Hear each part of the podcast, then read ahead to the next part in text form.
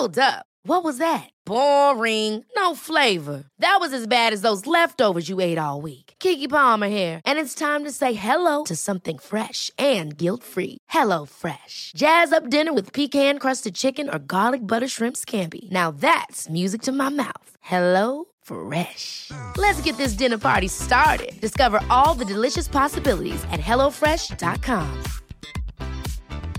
Everyone knows therapy is great for solving problems, but getting therapy has its own problems too, like finding the right therapist, fitting into their schedule, and of course, the cost. Well, BetterHelp can solve those problems. It's totally online and built around your schedule. It's surprisingly affordable too.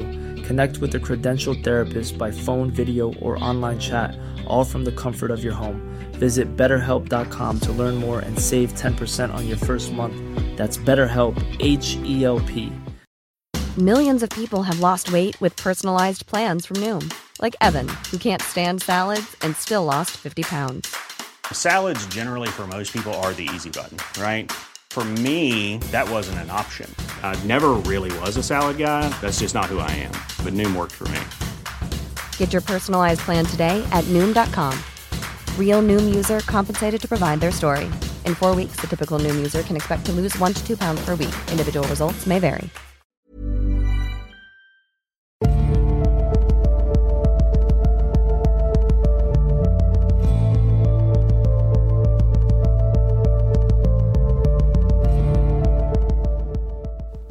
Hei og velkommen til eh, Tåkeprat.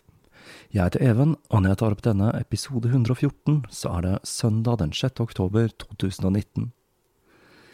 Denne uka så har jeg hatt høstferie, men dette skulle vise seg å bli en veldig trist ferie. På torsdag så jeg meg nemlig nødt til å avlive hunden min, som hadde oppnådd den anselige alderen av 16 år. Jeg har tatt mitt ansvar som hundeeier svært alvorlig i disse årene ikke minst fordi jeg har hatt en svært krevende hund som trenger en eier som kan hundehold. Dette var en hund som ikke bare var en terrier, men turboutgaven av en terrier. En dominant Jack Russell hannhund. Mange vil kanskje undre seg over hvorfor jeg beholdt han til en så høy alder. For de siste årene så gikk det sakte, men sikkert nedover med han. Hva som en gang var en turboterrier som kunne være med milevis på ski, var ikke lenger så glad i lange turer, men foretrakk å rusle rundt i hagen og snuse på blomster fremfor å gå turer i skog og mark. Som hundeeier var jeg veldig opptatt av at selv om hunden ble gammel, og ikke lenger kunne fylle rollen som en sprek turkamerat, så skulle han få nyte livet så lenge det var lystbetont og han hadde det bra.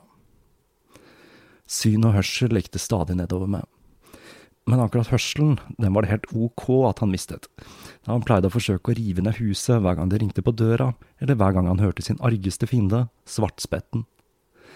Han tok faktisk flere ganger store jafs av vinduskarmer og dørlister om han giret seg tilstrekkelig opp, enten av ekorn, katt eller dørklokka. Det aller tristeste var at han ble dement mot slutten. Og demensen den utviklet seg sakte og manifesterte seg ved at han var tidvis forvirret, spesielt på natten, da han kunne finne på å vandre hvileløst rundt som han ikke helt visste hva han skulle. Og det var demensen som til slutt gjorde at jeg som var nødt til å ta en av de vanskeligste telefonsamtalene jeg har tatt for å avtale hans siste tur til veterinæren. Så lenge livskvaliteten hans var sånn at han var glad og kunne ha det gøy, så følte jeg at han skulle fort fortsette å leve, uansett døvhet eller demens. Men eh, natt til torsdag våknet jeg av en ganske intens tassing. Jeg sto opp, og i stua så fant jeg Balder, som stresset gikk rundt og rundt i ring, som han forsøkte å legge seg, men ikke fikk det til. Jeg hjalp han opp i kurven hans, og fikk roet han ned slik at han sovnet. Men det var i det øyeblikket jeg skjønte at jeg var nødt til å utføre min siste plikt som hundeeier. Den siste dagen var en av de bra dagene hans og jeg er stolt at han fremdeles var i stand til å gå, slik at han kunne komme for egen maskin til veterinæren for et aller siste besøk. For han så var dette dritfett, fordi han elsket å dra til dyrlegen, hvor han ikke bare kunne møte masse spennende dyr, inkludert nemesisen katter, men han pleide også å få godbiter av veterinæren. Balder døde med verdighet, på en stille og god måte, og til tross for at dette var jævlig trist, så føles det riktig, og det er godt å vite at han fikk en god avslutning på livet. Et liv han selv satt i fare ved flere anledninger av ubegrenset selvtillit, noe som førte til at han annet forsøkte å angripe en elg i hagen, som han mente tok seg litt for godt til rette på hans territorium. Dette har ført til at jeg har vært litt ute av det i noen dager. Ja, det var egentlig intensjonen min å ta opp denne episoden på fredag, men jeg trengte et par dager på å hente meg inn etter å ha mistet hva som har vært min beste og mest trofaste venn. I løpet av disse dagene så har jeg reflektert en del over ting, som ansvaret vi har som dyreeiere, og ikke minst aktiv dødshjelp for mennesker. Jeg får pepper nesten hver eneste gang jeg uttaler meg om noe politisk i denne podkasten, men faen heller. Jeg er en sterk tilhenger av at mennesker som enten blir holdt kunstig i live, er i store smerter eller er demente, skal ha anledning til å kunne få aktiv dødshjelp framfor at lidelsene deres skal forlenges på grunn av en sentimentalitet vi har for livets hellighet. Det hele er et spørsmål om verdighet og livskvalitet. Så er det sagt, og det er noe jeg står ved. Men nå skal vi over fra det triste og gyve løs på dagens episode, og et nytt kapittel i livet til Helena Petrovna Blavatsky. Litt av utfordringen med denne fortellingen er å ikke bli for opphengt i de mange miraklene Helena Blavatsky angivelig skulle ha utført. For å si det på en annen måte, om vi skal ta det hele for god fisk, så går Helena Blavatsky Jesus en høy gang, kanskje med unntak av det å stå opp fra de døde. Men det er også en annen side av historien om det teosofiske samfunn enn den om spreke mirakler og hemmelige mestere, nemlig den innvirkningen de hadde på kulturen i India og på Sri Lanka. Som vi skal se i denne episoden, så var denne av en positiv karakter. I alle fall så mener jeg det. Og de sto som en rak motsetning til hvordan personer fra Vesten hadde turet fram der tidligere. I denne delen av historien blir det også mye reising, men i motsetning til de tapte åtte årene av livet hennes, så er denne delen langt enklere å dokumentere, da hun og Olcott etablerte en rekke losjer i India og Sri Lanka, og de var i kontakt med flere prominente personer på sine mange reiser. For å si som jeg sa i første episode, så velger jeg altså å ha med en del av disse mirakelhistoriene, som et krydder i denne fortellingen. Men uansett hvor tvilsomme historier om ting som objekter som flyr tvers gjennom vegger er, så er det liten tvil om at arbeidet til Helena Blavatsky og Olcott hadde store sosiale ringvirkninger. Og da tror jeg vi bare hopper rett inn i historien igjen der vi slapp sist, med Olcott som fikk besøk av en av disse hemmelige mesterne, et møte som skulle markere starten på en ferd til Asia som skulle få stor betydning for revitaliseringen av både hinduisme og buddhisme.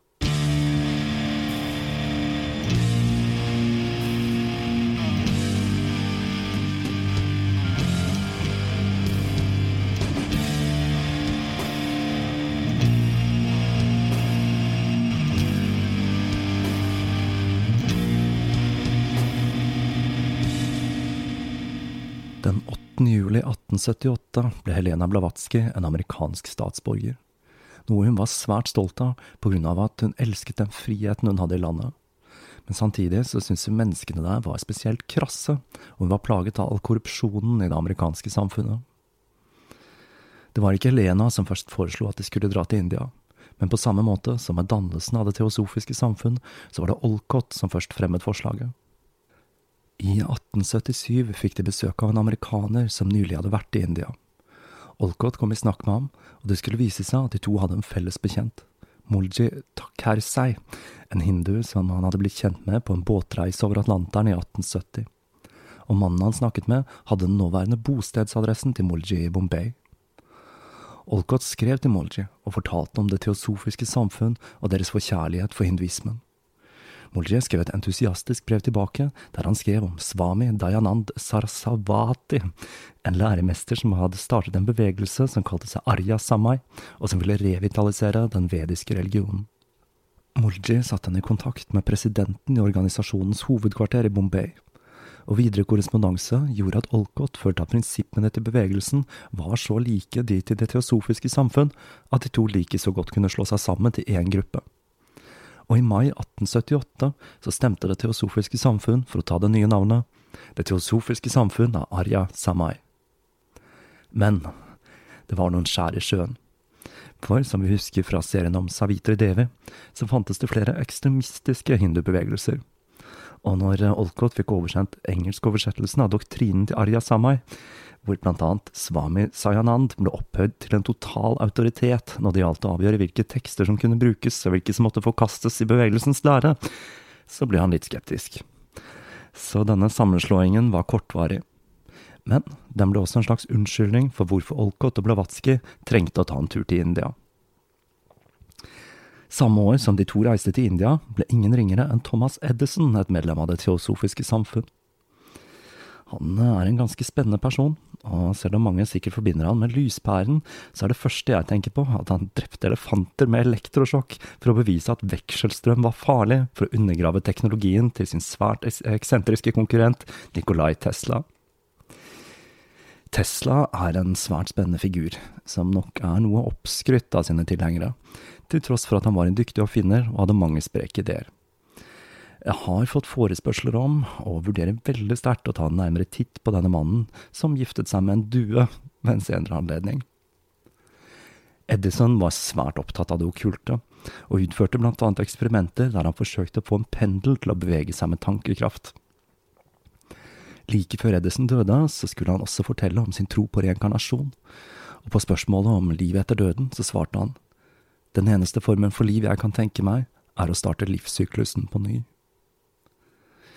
Til å begynne med så var turen til India kun tenkt som en slags ekspedisjon, og Olcott og Helena tok med seg to briter på reisen, Rosa Bates, en artist, og Edward Wimbridge, en arkitekt, og de kalte denne gruppen Det teosofiske samfunns utenlandskomité. Det er kanskje noe å skrive bak øret at disse okkultistene, som tilsynelatende hadde all verdens tid til å reise rundt på eventyr, sånn som Crowley, ikke hadde ordinære jobber, men levde på arvede midler. Så det er ingen grunn til å føle seg molefonken om du ikke har klart å reise og skrive like mye som Helena Blavatsky. Hun var godt bemidlet med farsarven, og kunne derfor bruke på, tid på ting som å dra til India for å forkynne teosofi Olcott utnevnte majorgeneral Abner Doubleday som sin stedfortreder, og William Q. Judge som kasserer.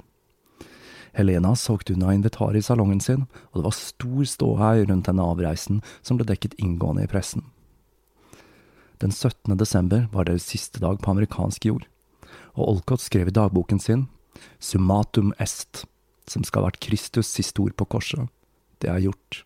Totalt hadde det gått fem og et halvt år siden Blavatsky hadde kommet som en innvandrer til dette nye landet, og i løpet av disse årene så hadde hun satt dype spor som skulle få enorme ringvirkninger og påvirke tankegodset til en rekke fremtredende okkultister, filosofer og tenkere i Vesten. Helena dro etter fem og et halvt år, for aldri igjen å komme tilbake. Frøet Det teosofiske samfunn hadde plantet i Amerika, skulle altså spire og gro, og høste en rekke merkelige frukter som Crowley, Rudolf Steiner og New Age-bevegelsen. Men det er enda et område hvor det teosofiske samfunn skulle sette dype spor, og det var i Asia. I India, Japan og Sri Lanka hadde man begynt å se på sin egen kultur og religion som noe mindreverdig i forhold til det man hadde i Vesten, og horder av misjonærer gned seg i hendene over hva som så ut til å bli enkle massekonverteringer av hele land. Men så skjedde det noe underlig. En gruppe hvite fra Russland, England og Amerika dukket opp, og utviste en stor interesse for hinduisme og buddhisme, og lederen for denne gruppen, madame Blavatsky, priset disse religionene for deres innsikt. Både hinduismen og buddhismen hadde nådd et historisk lavt nivå ved utgangen av 1800-tallet, og det teosofiske samfunn spilte en sentral og viktig rolle i revitaliseringen av disse religionene. For å illustrere at dette ikke kun bare er skryt fra teosofene selv, så lanserte den indiske staten et frimerke til minne om det teosofiske samfunn på hundreårsdagen for stiftelsen. Med seilet til gruppen, samt mottoet Det finnes ingen religion høyere enn sannheten. På Sri Lanka hadde buddhistene en religiøs minnesmarkering den 17. februar 1907, dagen Henry Steele Alcott døde. Han hadde fått en nesten helgenaktig status etter å ha revitalisert religionen der. De skulle på samme måte som India lansere et minnesfrimerke i 1968 med det srilankiske buddhistflagget, som var designet nettopp av Olcott.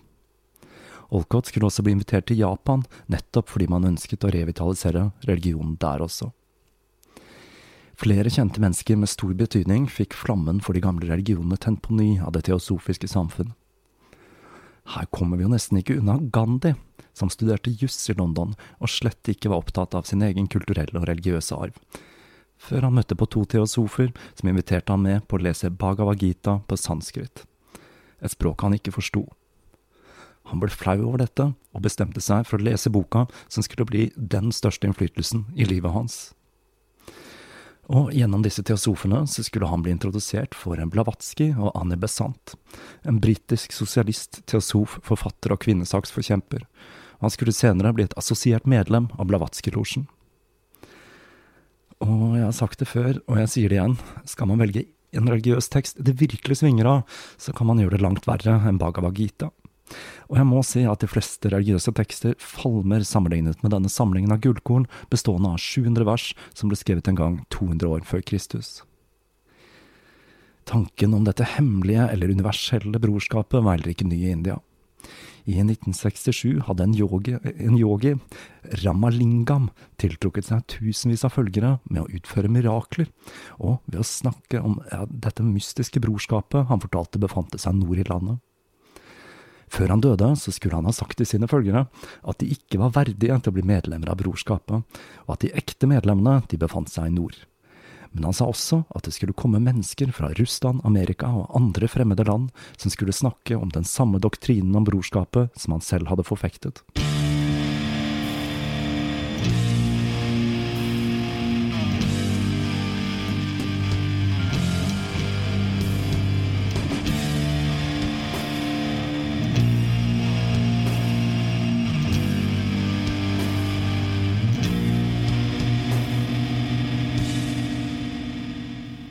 Helena Olcott ankom Bombay den 16. februar 1879 etter å ha tilbrakt to uker med teosofen i London.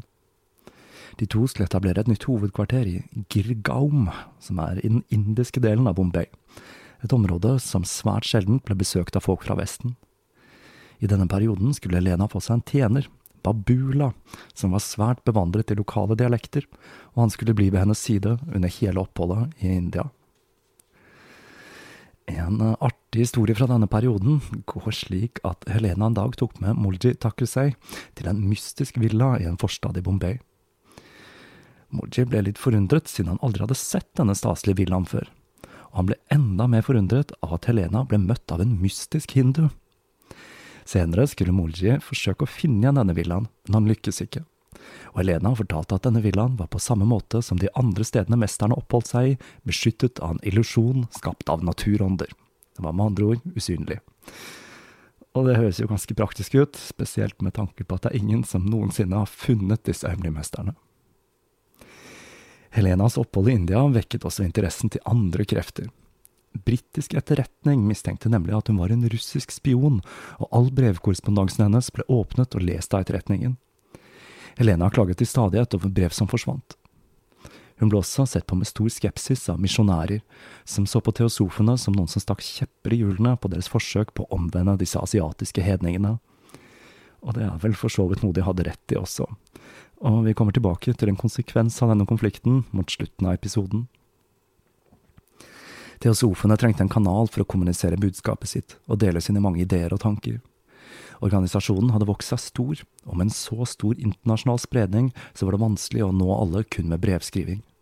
Og løsningen på dette var publikasjonen av tidsskriftet The Theosophist, eller Theosofen, som så dagens lys i 1879 med Helena Blavatsky som redaktør. I det andre nummeret av Theosofen skulle Helena introdusere temaet som får meg til å sende en liten tanke til Savitri Devi, nemlig økologi, et konsept man hadde liten forståelse for i samtiden. Artikkelen handlet om rovdrift av de indiske skogene, og omtalte dette som en forbrytelse mot nasjonen. Det er jo litt artig hvordan disse tidlige økologiske bevegelsene hadde en tendens til å skli over i fascisme. Devi er jo en særklasse der, men vi finner en rød tråd fra Helena Blavatsky til Rudolf Steiner med sitt biodynamiske landbruk, og til Tulesamfunnet og nazistenes fascinasjon for økologi sauset sammen med raseteori. Det er vel det man kaller for økofascisme, tror jeg. Men for all del, altså. Økologi og økologisk bevissthet er ekstremt viktig. Men jeg finner det litt fascinerende hvordan dette tankesettet, som i dag er så forbundet med den politiske venstresiden, har denne tilknytningen til de brune bevegelsene i det forrige århundret.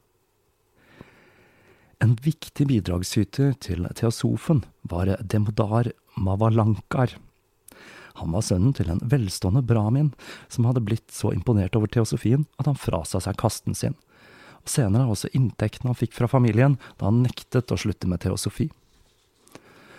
Damodar var den første som skulle bruke det svært sentrale begrepet mahatma om disse mystiske læremesterne, som han beskrev som personer som hadde gjennom opplæring hadde lært seg en høyere spirituell kunnskap vanlige mennesker var nødt til å gå gjennom en lang serie med reinkarnasjoner for å oppnå. Damodar flyttet inn i hovedkvarteret til det teosofiske samfunnet i Bombay, og han skulle bli med Helena Alcott på en reise nord i landet. På denne turen så besøkte de Alfred Percy Sennett og kona hans Patience i Allahabad. Alfred og kona skulle spille en svært sentral rolle i bevegelsen. Og i løpet av dette besøket så ble Helena introdusert for en Alan Octavian Hume, som var en pensjonert statssekretær og ornitolog, som senere skulle være med å grunnlegge den indiske nasjonalkongressen.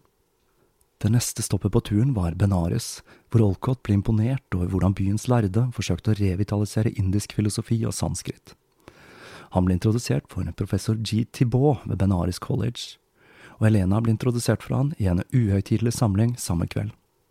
Denne professoren, som var av tysk opprinnelse, fortalte Helena at han hadde hørt historier om yogier i gammel tid som kunne utføre mirakler, som for eksempel ved å manifestere roser ut av tomme luften men han sa at yogienes tid dessverre var forbi.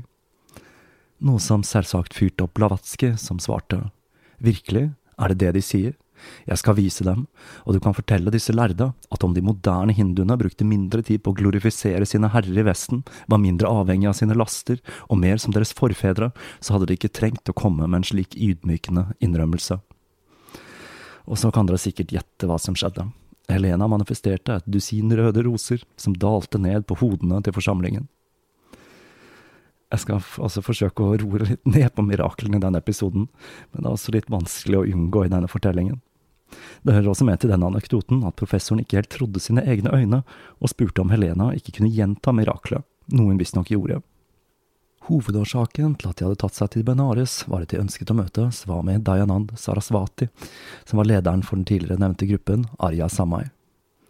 Helena var spesielt interessert i Dayanand, ettersom hun hadde hørt at han kjente en kvinnelig guru ved navn Maji, som Helena When you're ready to pop the question, the last thing you want to do is second guess the ring. At Bluenile.com, you can design a one of a kind ring with the ease and convenience of shopping online. Choose your diamond and setting. When you find the one, you'll get it delivered right to your door. Go to Bluenile.com and use promo code LISTEN to get $50 off your purchase of $500 or more. That's code LISTEN at Bluenile.com for $50 off your purchase. Bluenile.com code LISTEN. How would you like to look five years younger? In a clinical study, people that had volume added with Juvederm Voluma XC in the cheeks perceived themselves as looking five years younger at six months after treatment. Look younger, feel like you. Add volume for lift and contour in the cheeks with Juvederm Voluma XC. Reverse signs of aging by adding volume to smooth laugh lines with Juvederm Volure XC. For important safety information and to find a licensed specialist, visit juvederm.com. That's J U V E D E R M.com. Not for people with severe allergic reactions, allergies to lidocaine, or the proteins used in Juvederm. Common side effects include injection site redness, swelling, pain, tenderness, firmness, lumps, bumps, bruising, discoloration, or itching. There's a risk of unintentional injection into a blood vessel, which can cause vision abnormalities, blindness, stroke, temporary scabs, or scarring. Talk to a licensed specialist to find out if it's right for you. Han fattet en spesiell interesse for. Dayanan kunne bekrefte at han kjente denne kvinnen, og førte Helena til ashramet hennes, som lå like ved Ganges. Når de møtte denne damen, så fortalte hun at hun og Helena hadde den samme guruen. Men til tross for dette så var hun ikke en like opplyst person som Helena Blavatsky. Maji kunne også meddele at denne guruen var ca. 300 år gammel, men så ut som han var 40. Og dette er noe jeg har bitt meg merke tidligere, at enkelte indiske guruer hevder å være ekstremt gamle. Det er vel kanskje ikke fullt så nøye med fødselsattester i India, tenker jeg. Uansett så ble dette møtet med Maji utgangspunktet for en artikkel i Theosofen om nettopp kvinner kunne nå de øverste stadiene av opplysthet og bli mahatma, noe artikkelen bekreftet. I mai 1880 dro Helena Olcott til Sri Lanka, og det var kanskje en smule overraskende at de ble mottatt som kjendiser når de ankom. En rekke utdrag fra ISIS Avslørt hadde nemlig blitt oversatt av teosof-sympatisører, og disse to vestlige som skrev om buddhismen i så varme ordelag, hadde blitt en farsott. På dette første besøket til Sri Lanka så erklærte de to seg som offisielt som buddhister, men dette skulle senere føre til noen misforståelser, og Helena forklarte senere at selv om hun betraktet den originale buddhismen som den reneste, mest sublime og logiske av alle religioner, så hadde systemet blitt forvrengt og utvannet i årenes løp. I løpet av dette besøket på Sri Lanka så ble det også åpnet en rekke teosoflosjer på øya. Høsten 1880 dro Helena Olcott på kryss og tvers i Nord-India. Olcott foreleste om teosofi, og Helena ble rammet av punjab-feber og dengue-feber. Dengue-feber er en infeksjonssykdom som smitter fra mygg, og ved andre gang smitte så kan sykdommen være livstruende. I dag får ca 100 millioner mennesker denne sykdommen årlig, og den regnes som verdens viktigste insektbårne sykdom. Sykdommen brer om seg, og selv om den tidligere kun var å finne i tropiske strøk, så har den nå spredt seg til Frankrike, Hellas, Kroatia og Madeira. Hva punjab-feber er for noe, er jeg derimot litt usikker på. Kanskje det er den beryktede omgangssyken som rammer så å si alle som besøker India. I denne perioden så ble også esoterisk buddhisme av Alfred Sinett publisert en bok som åpnet Vesten for en rekke nye begreper som karma og reinkarnasjon. Begreper som nå plutselig ble en del av dagligtalen, og dette var med på å gi teosofen i Vesten enda litt mer vann på mølla.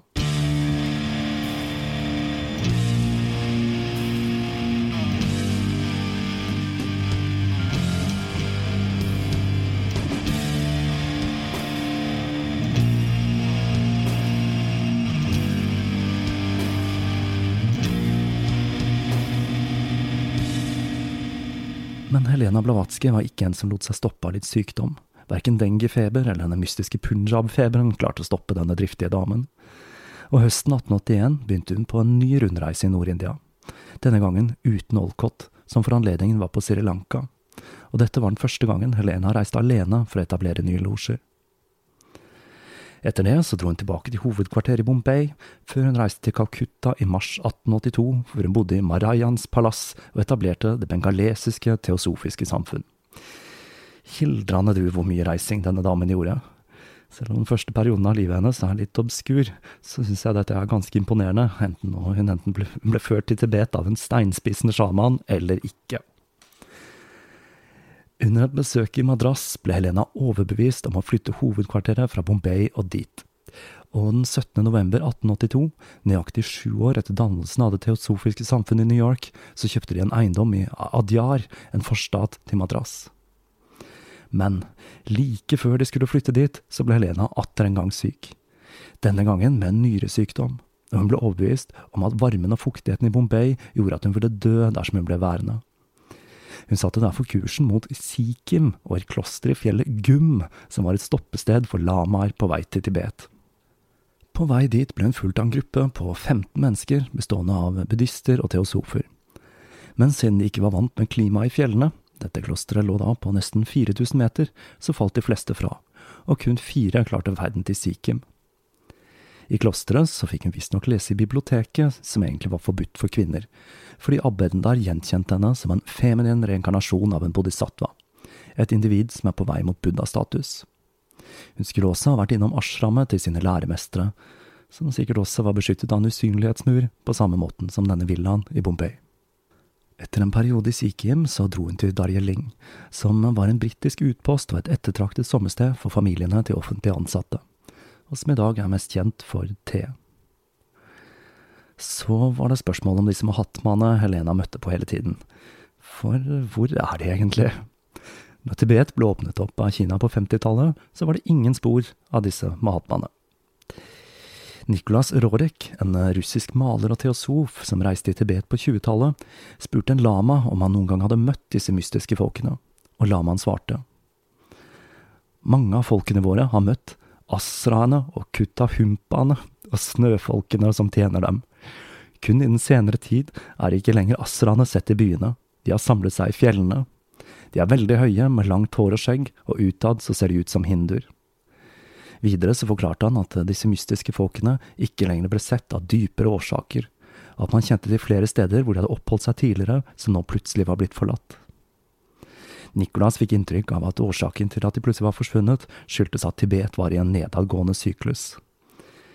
Eller så kan det hende at dette skyldtes Blavatskis usynlighetsbarriere. Hvem vet. I desember 1882 ankom Helena Olcott det nye hovedkvarteret til Det teosofiske samfunn i Madras. Helena beskrev stedet som Det er vidunderlig her. Hvilken luft, hvilke netter, og hvilken fantastisk stillhet. Her har vi ingen av byens larm og skrik. Jeg sitter og skriver og stirrer utover havet, glitrende og endeløst, som om det var i live. I Adyar skulle teosofene opprette en svært imponerende boksamling og bibliotek. Etter kun tre år så hadde de samlet 3046 bøker fra Asia, i tillegg til mer enn 2000 europeiske esoteriske bøker, samt en rekke sjeldne manuskripter. Når eh, biblioteket ble besøkt 100 år senere av professor Harold Coward fra Det eh, religionshistoriske fakultetet i Calgary i Canada, kunne han rapportere at biblioteket inneholdt en velorganisert samling av ca. 17 300 manuskripter og 160 000 bøker, og at det var en av de største samlingene av sanskrit-manuskripter i verden. Og det ser ut til at Helena virkelig fant roen i Adyar for året 1883 var at hun skulle roe ned reisingen sin, og hun brukte tiden på å skrive for Teosofen, i tillegg til å skrive hele 700 sider til sine samlede verker. Er det én ting vi har lært kjennetegner okkulte bevegelser, så er det krangling, og teosofene er intet unntak.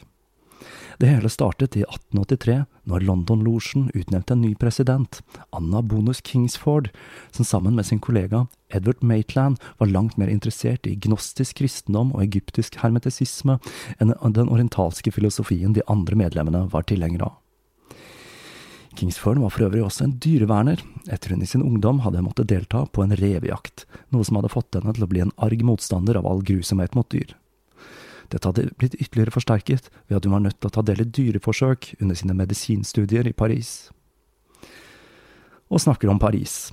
Det samme året så var det også trøbbel i den franske losjen, hvor det på samme måte hadde dannet seg flere fraksjoner. Og Elena mottok et forslag om å dele losjen ikke bare i to, men i tre. En som fokuserte på det spiritistiske, en som fokuserte på det vitenskapelige, og en tredje som fokuserte på naturen til, opphøyde til den opphøyde menneskelige bevissthet. Mens all denne kranglingen pågikk, så ble Helena syk igjen. Jeg kan nesten skjønne hvorfor. Og legen sa at hun var nødt til å ta det rolig og oppsøke et mer vant klima. Så hun og Olcott planla å dra til Frankrike, og Olcott tenkte å dra videre til London, hvor han skulle tale srilankernes sak, i tillegg til å rydde opp i all kranglingen i losjen der. T. Subarov ble utnevnt som ansvarlig for tidsskriftet Teosofen, og et styre ble satt sammen for å ta seg av losjen i Helenas fravær. En svært fremtredende figur i dette styret var legen Frans Hartmann, en mann fra Bayern som hadde blitt amerikansk statsborger i perioden da spiritismen var på høyden.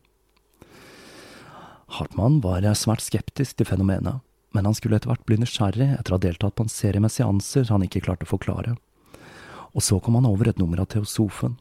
I dette kunne han lese om den syvdelte inndelingen av mennesket, som er den fysiske kroppen, rupa, astrallegeme, linga, sarira, liv eller vitalitet, prana, dyriske drifter, kamarupa, bevissthet, manas, spirituell sjel, budi, ånd, atma.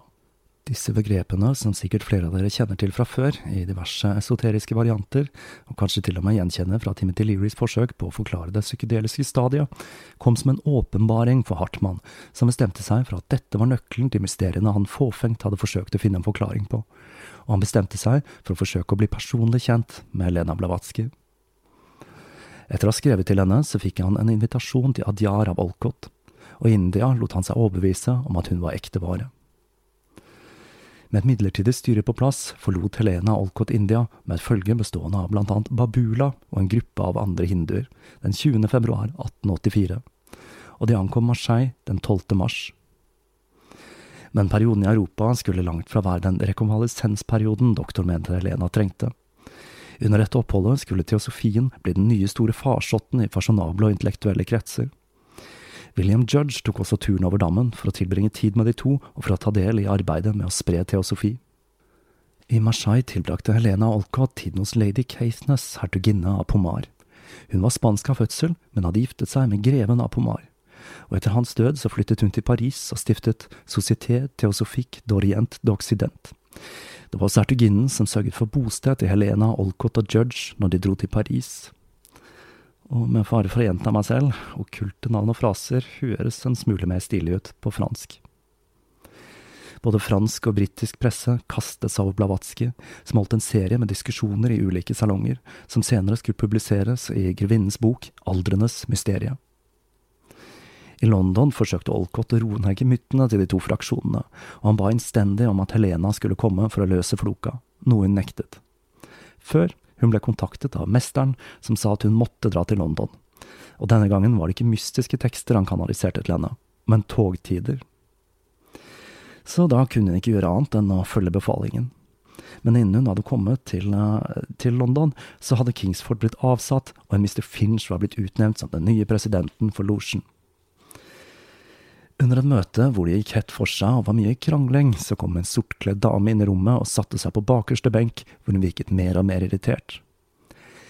Når hun til slutt ble gjenkjent som Helena Blavatsky, så tok hun over hele møtet, og det ble bestemt at Kingsford skulle danne en egen gruppe, Den hermetiske losjen, mens resten av London-losjen fortsatte som før. Etter en ukes opphold i London så returnerte hun til Paris, hvor hun fortsatte å holde salonger, før hun dro til en eiendom i Engien. Her skulle hun, med hjelp fra Judge, starte på hva som skulle bli hennes magnus opus, Den hemmelige doktrine, en bok vi skal høre mer om senere i serien. Mens Helena fortsatte med forelesninger og diskusjoner i London, så drev Olcott sitt eget arbeid med å få kjente og betydningsfulle personer interessert i teosofi. Og han møtte mennesker som sir Oscar Wilde og professor John Coach, mannen som oppdaget Neptun. Et medlem av The Society for Psychical Research, eller SPR, fattet interesse for Olcott, og introduserte ham for presidenten i SPR, professor Henry Sidwick ved Cambridge. Dette førte igjen til at Olcott, i tillegg til flere andre teosofer, sa seg villig til å vitne om de fenomenene de hadde observert. Blavatsky derimot, som i denne perioden begynte å bli alvorlig syk og utslitt, sa at hun ikke ville ta del i dette med mindre mesteren befalte det. Og så, når man først er i Europa, så må man jo til Tyskland. Og i august så dro Helena til Elberfeld, hvor Olcott hadde stiftet en teosofisk losje like før hun kom. Her skulle hun bo hos ekteparet Gebhard, som skulle spille en svært viktig rolle i utviklingen til det teosofiske samfunn. Gustav Gebhard var en rik forretningsmann og silkeprodusent som hadde vært konsul for Tyskland i Iran. Han hadde møtt kona Mary på en tur til New York. Hun var datteren til en britisk major, og hun hadde en dragning mot filosofi og det okkulte. I Elberfels hadde hun studert hebraisk, noe som hadde vekket interessen for Kabbalah. Og ikke minst, hun hadde vært lærlingen til ingen ringere enn Elipas Levi fram til hans død i 1875. Dette er også en person jeg har på lista over podkastmateriale, men de fleste av dere kjenner nok i det minste til hans ikke helt ukjente tegning av Bafomet, som er flittig brukt i populærkulturen. Jeg har vel sett litt på denne figuren, som er en slags alkemisk yin-yang tidligere i tåkeprat, men jeg kan ikke helt huske hvilken episode det var. Det begynner å bli ganske mange av de nå etter hvert. Når Mary hørte om det teosofiske samfunn, så ble hun introdusert, og hun tok kontakt med Olcott og ble medlem. Ekteparet skulle etter hvert få syv barn, og de fleste av disse skulle selv bli teosofer. Og den tyske grenen av det teosofiske samfunn skulle bli svært viktig for den videre veksten til teosofien i årene fremover. Men så eksploderte bomben. Et ektepar, The Columns, hadde blitt kastet ut av det teosofiske samfunnet i Adyar på grunn av underslag. De reagerte på utkastelsen med å ta kontakt med en kristen avis, The Madras Christian College Magazine, og som vi husker, så sto ikke teosofen høyt i kurs hos misjonærene. Paret ga avisa en bunke med brev de hevdet Blavatsky hadde skrevet når hun var ute og reiste, hvor hun befalte at de skulle sette i stand en rekke falske fenomener i Adyar i hennes fravær. Dette førte til ramaskrik når artikkelen ble sendt til flere anglo-indiske aviser, og hundrevis av plakater med overskriften Fallet til madame Blavatsky, hennes intriger og bedrag avslørt, ble hengt opp i indiske byer. Historien nådde også London Times, og Helena valgte å svare på anklagene i et brev som ble publisert den 7. oktober. I brevet så skrev hun at brevene ikke var skrevet av henne, og bemerket at det inneholdt flere feil og viste en manglende kjennskap til indisk kultur og politikk. Hun pekte blant annet på at de omtalte en Maharaja av Lahore, en person som ikke eksisterte. I tillegg så langet hun ut mot anklagene om at hun brukte det teosofiske samfunn til å berike seg selv. Tvert imot, skrev hun, så levde hun på de midlene hun hadde arvet og inntekten fra publikasjonene sine. Og hun hadde i dag mindre og ikke mer å rutte med enn da hun først hadde startet det teosofiske samfunn. På dette tidspunktet så hadde all reisevirksomheten og de utallige foredragene påvirket helsen hennes betydelig, og under et opphold i Elbensfeld så fortalte hun. Jeg har frasagt meg rollen som korrespondansesekretær for samfunnet. Jeg har valgt å holde meg unna offentligheten, for så lenge jeg er overhodet, så vil jeg være en skyteskive, og samfunnet vil lide for det. Hjertet mitt, hvis jeg fremdeles har et igjen, brister av dette. Men jeg måtte ofre meg selv for framtiden til samfunnet. Målet framfor personer og personligheter.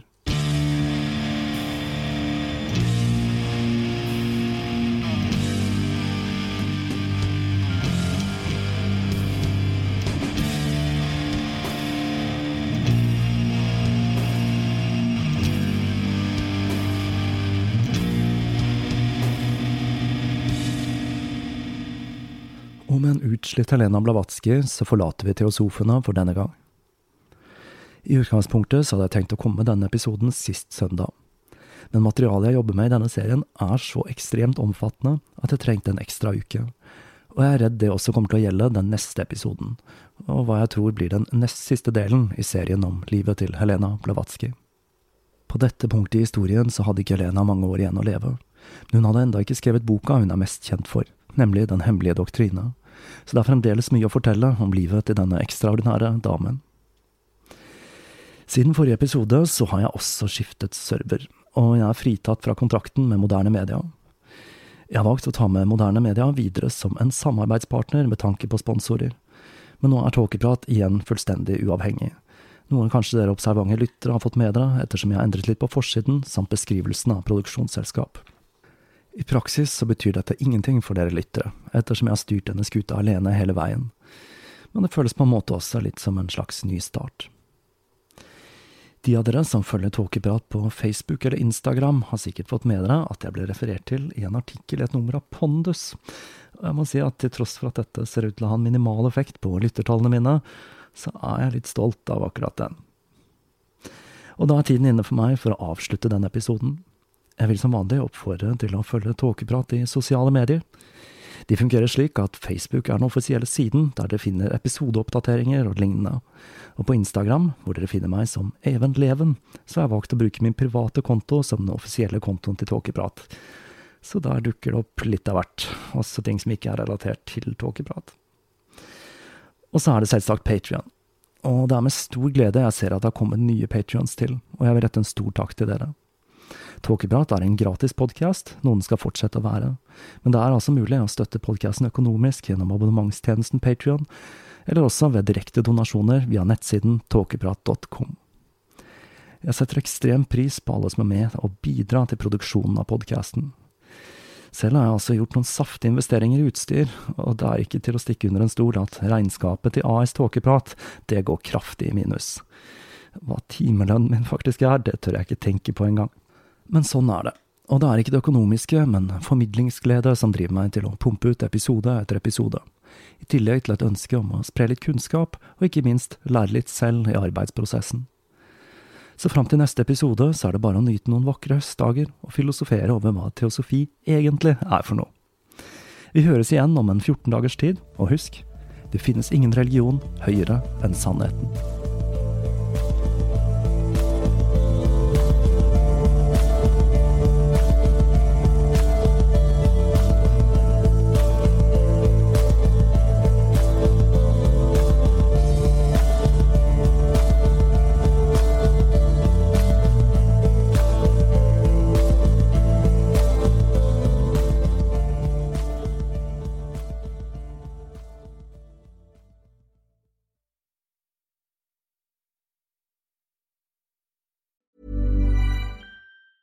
Hey, it's Danny Pellegrino from Everything Iconic. Ready to upgrade your style game without blowing your budget? Check out Quince. They've got all the good stuff shirts and polos, activewear, and fine leather goods, all at 50 to 80% less than other high end brands. And the best part? They're all about safe, ethical, and responsible manufacturing. Get that luxury vibe without the luxury price tag. Hit up quince.com slash upgrade for free shipping and 365 day returns on your next order. That's quince.com slash upgrade. Hold up. What was that? Boring. No flavor. That was as bad as those leftovers you ate all week. Kiki Palmer here, and it's time to say hello to something fresh and guilt-free. Hello Fresh. Jazz up dinner with pecan-crusted chicken or garlic butter shrimp scampi. Now that's music to my mouth. Hello Fresh. Let's get this dinner party started. Discover all the delicious possibilities at hellofresh.com.